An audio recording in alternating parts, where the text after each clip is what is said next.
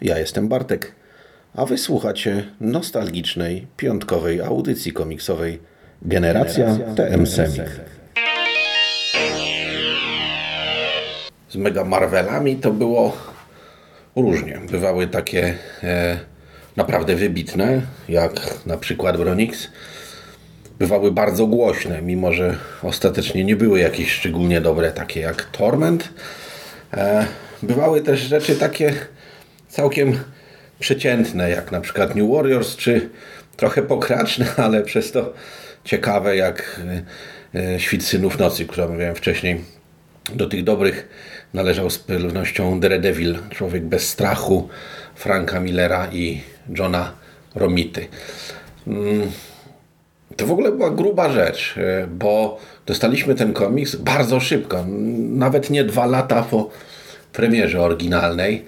E, Frank Miller był wtedy już bardzo dużym nazwiskiem. To był człowiek, który miał za sobą publikację w ubiegłej, w poprzedniej dekadzie takich rzeczy jak Powrót Mrocznego Rycerza, jak Rok Pierwszy. Człowiek, który no, zasłużył się dla branży. Jest dużo rzeczy, które zrobił. Możemy wymienić chociażby Sin City, czy nawet 300 nieszczególnie e, szczęśliwie zaadoptowanych, ale pominijmy to. A John Romita był facetem, który no, był bardzo zasłużony w komiksach. E, syn zresztą również Johna Romity, tym razem seniora, który także był legendą e, młody, rysował m.in. Spidermana, X-Menów w latach 80., robił mnóstwo rzeczy e, i można go nie lubić. Ja na przykład nie do końca przypadam za jego kreską. Bardzo lubię starego Johna Romite, im nowszy tym e, mniej mi podchodzi. Ten w Daredevilu jest już taki graniczny. Ma już wszystkie elementy, ze którymi nie przepadam, ale nie są one tam jeszcze złe. Już na przykład Happy Birthday z, ze Spider-Manem to już był jakiś straszny cringe fest. Ale jak zwykle wpadam w dygresję niepotrzebnie. Człowiek bez strachu to pięcioczęściowa miniseria, która jest czymś w rodzaju originu Daredevila. Frank Miller bardzo dobrze znał Daredevila. Przez wiele lat pisał Daredevila e, i pracował nad nim z Klausem Janssonem. Zrobił bardzo dużo rzeczy. To on odpowiada za to, kim była Elektria Nachos. E, on wprowadził kilku klasycznych przeciwników Śmiałka i on stworzył bardzo dużą część lore, więc to, że to on właśnie mm, wziął się za uwspółcześnienie, za odnowienie e, originu takiej legendy, jak Daredevil było jak najbardziej zrozumiałe i trzeba przyznać uczciwie, że wywiązał się z tego dobrze. Można nie lubić e, tego, co stało się ze scenariuszami Franka Millera później. Natomiast na początku lat 90., w pierwszej połowie 90., był jeszcze cały czas w szczytowej formie.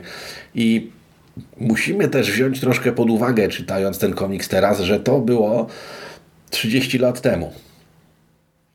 Teraz jesteśmy przyzwyczajeni do takiego podejścia edgy, że coś jest przekraczające granice. Jesteśmy otrzaskani z antybohaterami.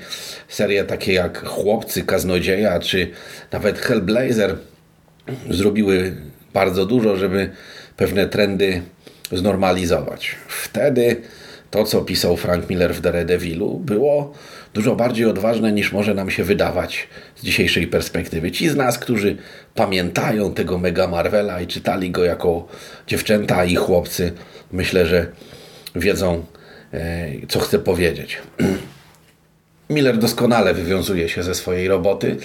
Przedstawia początki małego Mata, e, jego pierwszy konflikt tragiczny po śmierci ojca, to co dzieje się, kiedy musi czuje potrzebę nieodpartą e, wziąć zemstę za jego śmierć na jego zabójcach.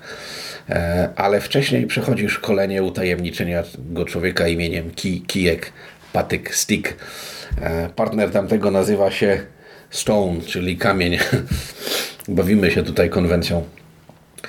Ślepy, młody prawnik w pewnym momencie wraca do Nowego Jorku, wchodzi do bramy piekła, w której się wychował i nagle czuje, że nigdzie indziej już nie powinien żyć. Splot okoliczności sprawia, że wikła się w niekończącą się już nigdy wojnę z Kingpinem, z Wilsonem Fiskiem.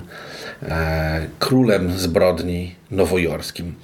To w jaki sposób to wszystko jest spisane, podane, e, przewija się tam jeszcze przez chwilę Elektra, Elektra, która jest nieodłącznym elementem mitu Śmiałka, e, jego świata. Jest to bardzo dobrze wszystko e, spięte. Pięć części, krok po kroku, wprowadzających nas na kolejne etapy. I przez ten cały czas w tej historii nie ma Daredevila. Daredevil, śmiałek, super bohater nowojorski pojawia się dopiero na ostatniej rozkładówce. Ale poznajemy drogę, która sprawiła, że mały chłopiec siedzący nocami na balkonie w najgorszej części Manhattanu został tym, kim został, czyli obrońcą uciśnionych. I muszę całkiem szczerze przyznać, tak jak nie przepadam za Johnem Romitą, to jednak zrobił tutaj dobrą robotę. E, w polskim wydaniu ze względu na objętość 132 strony Mega Marvela wypadło niestety kilka całostronicowych plansz. E, jedna z bijatyki mata ze zbirami na molo, bardzo dobra. Całostronicowa plansza z elektrą w bikini, czy co ona tam miała na sobie, jeszcze parę innych rzeczy. Nie wpływały one na rytm opowieści. Tej planszy z bijatyką troszkę czuć było, że tam chyba czegoś zabrakło, ale, ale udało się polskiemu wydaniu zachować e, płynność. E, jeżeli mam jakieś wątpliwości, no to jest e, kolorystyka. Nie mówię, że coś jest bardzo nie tak z tym, bo generalnie rzecz biorąc, Mm, kolory są w porządku. Natomiast to był ten taki okropny okres, kiedy liternictwo komputerowe dopiero w pełną parą zaczynało się rozwijać. E, I ten okres przejściowy nie był najlepszy. Nie chcę powiedzieć, że to co jest teraz, kiedy e, kolor dominuje, przytłacza i w zasadzie jest tak integralną częścią rysunku, że nie możemy już za bardzo mówić o szkicu we współczesnych komiksach, przynajmniej w tych mainstreamowych, e, że to jest lepsze, ale to był ten okres, a mimo to udało się jakoś znaleźć e, tą równowagę między dawnymi a nowymi laty e, i kolory nie są przegięte, nie ma tutaj kozaczenia i nie ma takiego fikania technologią, które zaczyna śmierdzieć po dwóch latach, bo tak wtedy to wszystko szybko szło. Daredevil Człowiek bez strachu to był jeden z tych mega Marveli, które e, no, wiedzieliśmy o nich, że mają inny ciężar gatunkowy. To była historia z trochę pod innej gwiazdy. To była opowieść z innej ulicy. Właśnie może z bramy piekła, za którą wszystko było trochę inne, trochę gorsze.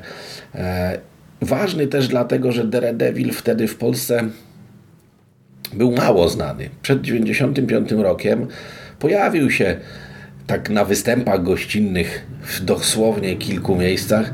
Tak naprawdę najwięcej można było się o nim dowiedzieć z wydanego przez As Editor pierwszego zeszytu sagi o Elektrze, która de facto była pociętymi i złożonymi od nowa z pewnymi dodatkowymi wstawkami zaszytami oryginalnego ranu Franka Millera w Daredevilu.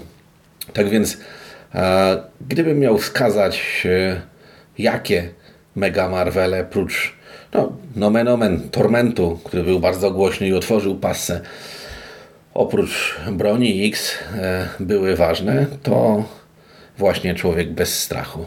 A dla mnie ten komiks jest też o tyle hmm, ciekawy, ważny, atrakcyjny, że pod koniec lat 90. straciłem e, już serce do komiksu superbohaterskiego, ciągnąca się w nieskończoność saga klonów y, odepchnęła mnie od Spidermana, to co działo się po e, Nightfallu od Batmana i jakoś tak na początku XXI wieku pozbyłem się nawet części swoich komiksów. Sprzedałem Spidermana, sprzedałem X-Menów, sprzedałem wszystkie Mega Marvele.